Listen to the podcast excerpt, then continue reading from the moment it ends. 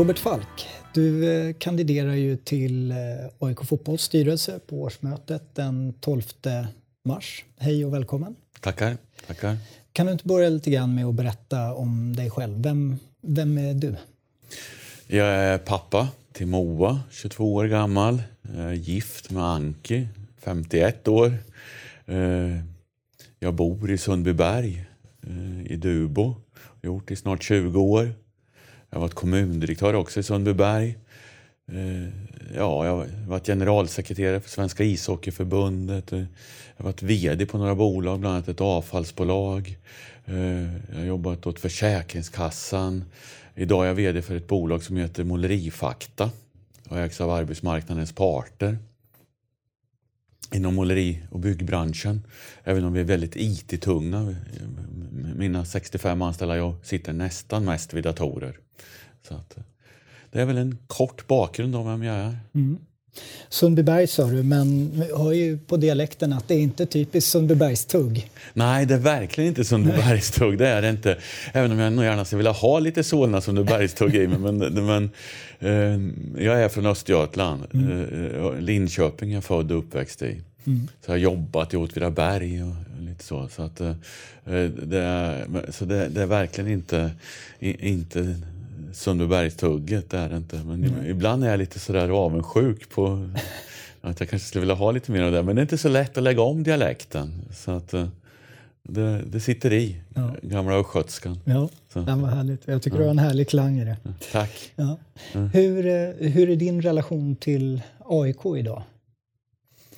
Ja, min, min, relation till AIK är relativt nära eftersom eh, AIK, ända sedan jag var kommundirektör och flyttade till Sundbyberg 99 eh, så, så har jag stått nära AIK och varit på massor med matcher och sådär. Men jag har inte haft några förtroendeuppdrag inom AIK. Men jag tänkte på det eh, när jag fick frågorna av det. Vad, vad var min första bild av AIK faktiskt? Vad, vad var min riktigt, och vad är mitt starkaste minne? För det är det nog fortfarande. Det är faktiskt 1977 på, på mm, våren där när AIK spelar mot BK Derby i Linköping med den legendariska Gunnar Nordahl som tränare. Eh, då var jag och min farfar eh, som satt i BK Derbys styrelse. BK Derby som man säga, spelade ett år i Allsvenskan. Eh, Eh, då var vi och tittade på AIK på Folkungavallen i Linköping och då när vi gick dit eh, så sa farfar till mig nu kommer det ett riktigt, riktigt storlag till Linköping. Det får du vara beredd på. Eh, och det var stort liksom med klacken och det var verkligen stort på lilla Folkungavallen i Linköping. Sen gick det inte så bra för BK Derby utan hamnade sist och åkte ur. Och, eh, AIK gjorde heller ingen bra säsong. Jag tror det var runt placering 10 eller någonting sånt där. Så mm. det är mitt första och kanske också starkaste minne. Sen det i närtid, det är ju, eh, det är ju givetvis eh, SM-guldet 2009. Mm. Det var ju stort, det får man ju lov att säga. Var det du som hade suttit i IK Derbys styrelse? Nej, Nej. Det, det, det, var min farfar faktiskt farfar. som gjorde det.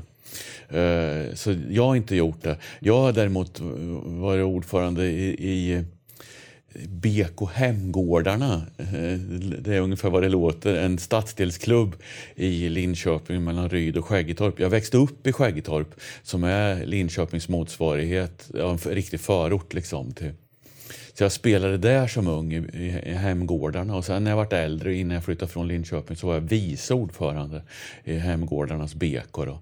En klubb som gör fantastiskt bra ifrån sig i det sociala arbetet men har väl liksom inte riktigt spelat i allsvenskan. Så De är att, inte riktigt där. Nej, och inte var det där heller. Men vi gjorde några bra säsonger där och var uppe i trean faktiskt och då började det pratas om vart alla bilar skulle stå när stormatcherna kommer. Så att eh, vi hade ambitioner, men det vart väl inte riktigt så. Och det ska inte vara så heller, utan det ska vara ett lokalt Ryd Skäggetorpslag tror jag och bygga på det. Så att, eh. Ja, det är lite annorlunda utmaningar än vad, vad AIK står Ja, det är verkligen, verkligen, verkligen. Men eh, idag då som din roll som VD så arbetar ju du mot en styrelse. Men har du, har du eller har du haft andra styrelseuppdrag? Genom ja, åren? Ja, det, det, har jag. Eh, jag har ett gäng styrelseuppdrag nu. Dels äger jag en tredjedel av en sportbutik, Jakobsberg centrum, Team Sportia där. Där sitter jag som styrelseordförande i det bolaget. Omsätter en miljon i månaden ungefär, så det är inte så litet. Sen så äger jag en liten del av en tygbutik i Kalmar. Eh, så jag är nere och tittar på eh, Kalmar FF, AIK ibland. Mm.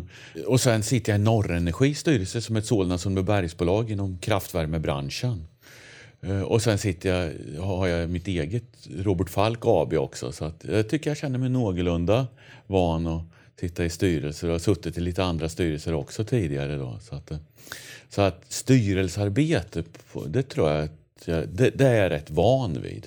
Det, det, det, vill jag nog ändå säga. Om du får medlemmarnas eh, förtroende här den 12 mars, vad, ja. vad tar du med dig från ditt professionella liv och ditt styrelseliv in i AIKs styrelse? Vad, vad kan du bidra med? Ja, jag förstår. Alltså det jag i första hand tror jag kan bidra med det är med ett professionellt tänkande i en styrelse. Jag har ändå varit direkt underställd en styrelse i olika sammanhang nu i 25 år. Jag tror jag kan ta med mig det. Eh, både perspektivet att vara operativ chef till en styrelse men också att sitta i en styrelse. Därför att det viktiga när man sitter i en styrelse tycker jag är att inte ge sig in på den operativa delen. Dels kan det ta enormt mycket tid men man lägger sig i och det blir oroligt i organisationen innan. Så att det tror jag kan eh, verkligen ta med mig just det, professionalismen. Vad är ett styrelsearbete helt enkelt?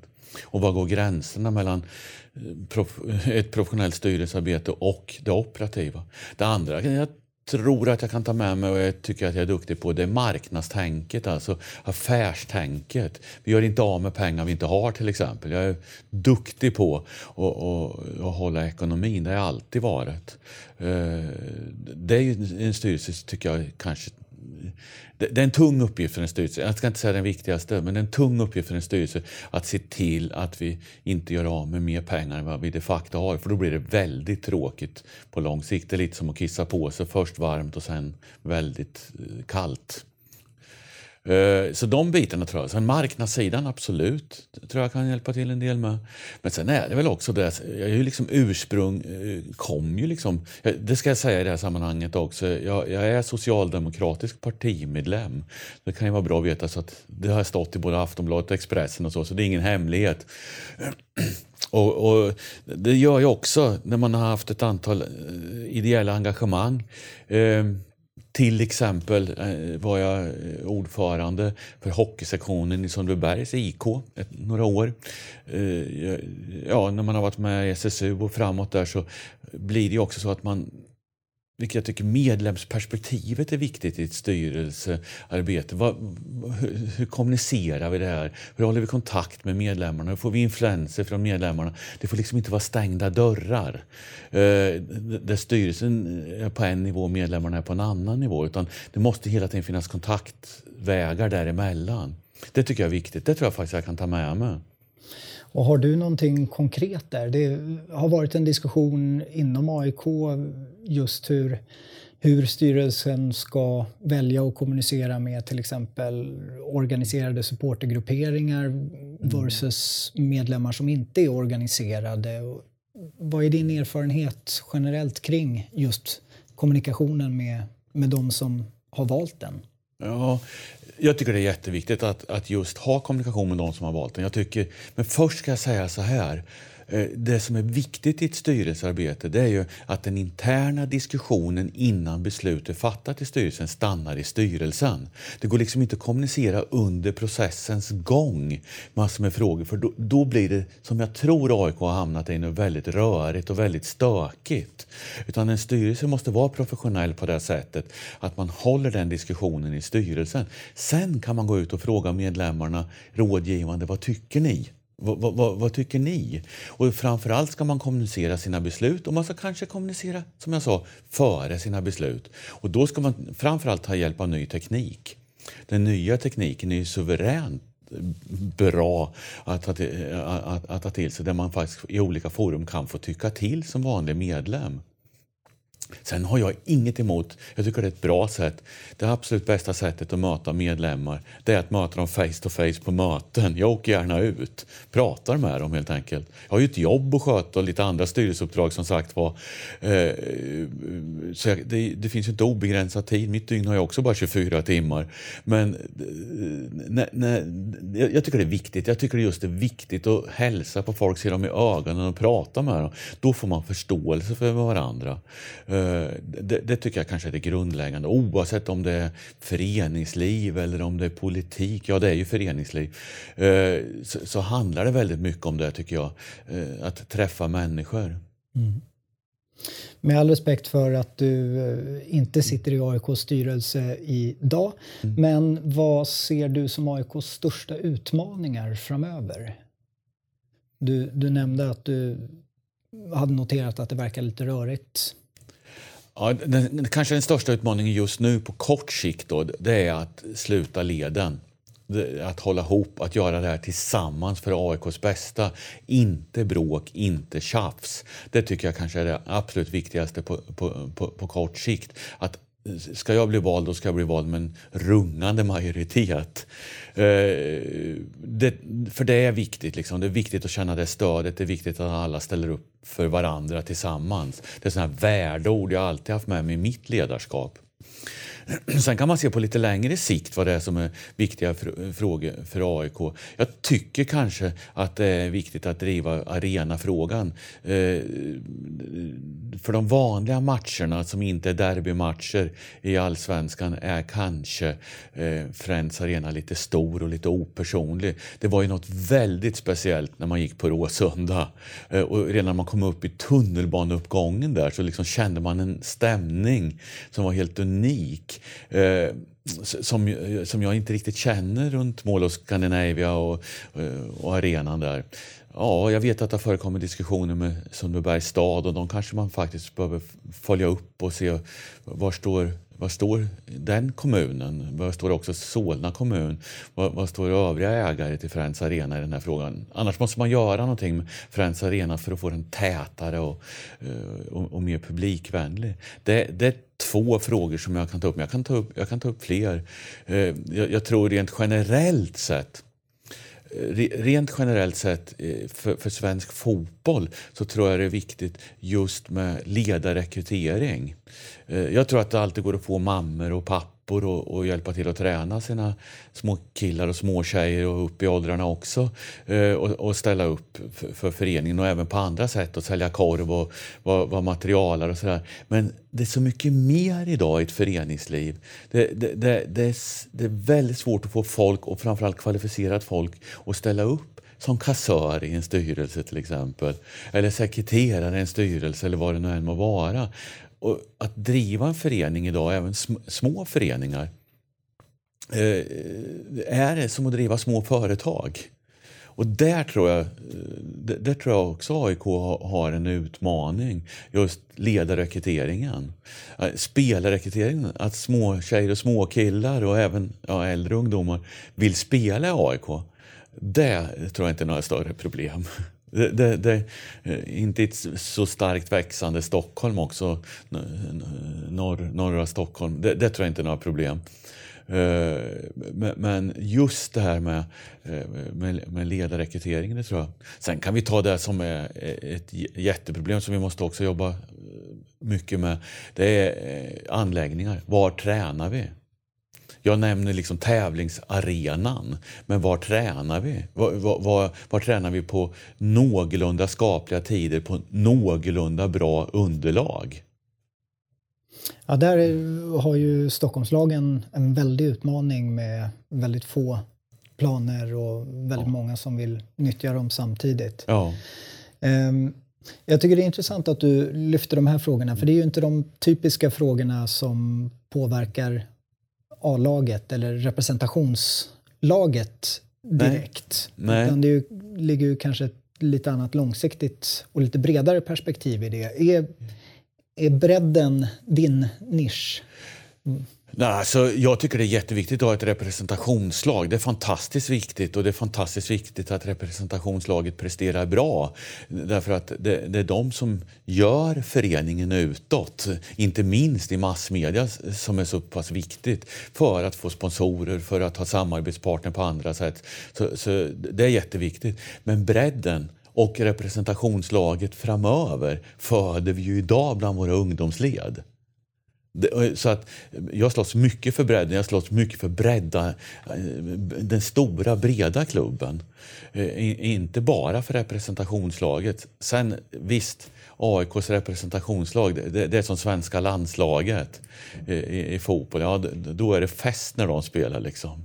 Men, men jag går jättegärna och tittar på tjejfotboll och, och, och pojkfotboll i de yngre åren. För det är där, det är där liksom gnistan finns med, med fotbollen på något sätt. Och det, ja, det är härligt att se den här entusiasmen där nästan alla tror att de ska få spela i representationslaget och kanske till och med landslaget och Real Madrid och Manchester United och sådär.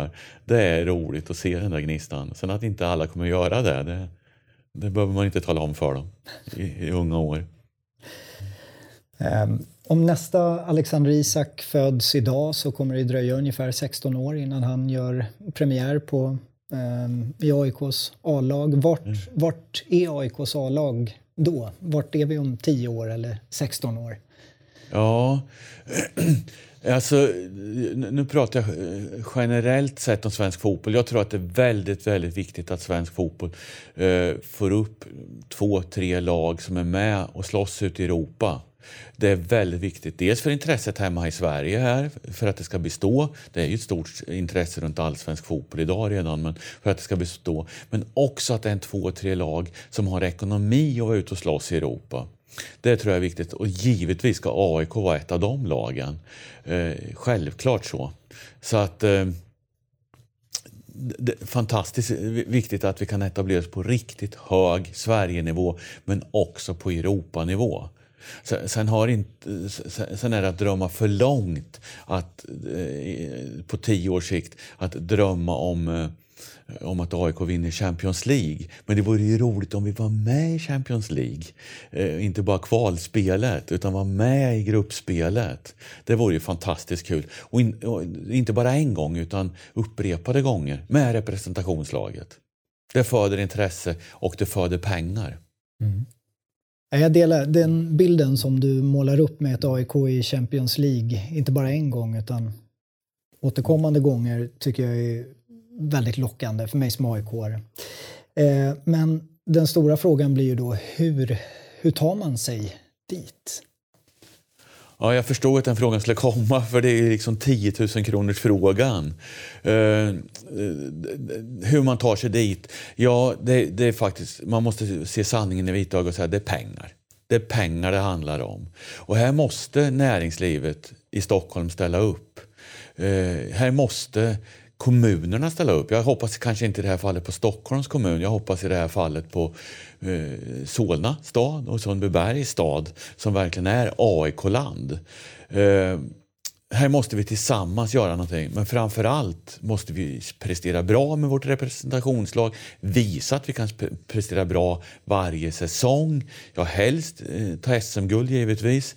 Eh, vi måste vara mycket, mycket mer aktiva och nära näringslivet. Vi måste skapa närmare band till dem och då måste också näringslivet känna att de får ut någonting om att vara storsponsorer till AIK, mer än vad de kanske får idag. Och då, då, då, då måste också näringslivet vara beredd att peta in betydligt mer pengar än vad de gör idag. För det handlar ytterst om pengar. Det handlar ytterst om pengar. Att kanske få en kille som Alexander Isak att stanna ett antal år till i föreningen innan man prövar det stora livet ute i de riktigt stora klubbarna. Där han är idag till exempel i Tyskland. Eh, jag har ju läst en intervju där du har sagt att Linköping är klubben i ditt hjärta. Ja, det har jag sagt. Ja. Hur, hur, hur skulle det funka med att arbeta med AIK? Ja, eh, LOC ska vi säga. Alltså, nu pratar vi om ja. Linköpings Hockey Club. Eh, eh, det, det är ju ishockeylaget i mitt hjärta. Det, det, det, är det. Men att säga att BK Derby, division 5-spel i, i Linköping är klubben i mitt hjärta, det är lite fel. Jag har bott 18 år i Sundbyberg. AIK är fotbollsklubben i mitt hjärta utan tvekan. Robert Falk, eh, tack så mycket för att du tog dig tid och kom hit och pratade och vi ses på årsmötet 12 mars. Ja, det gör vi. Tack själv.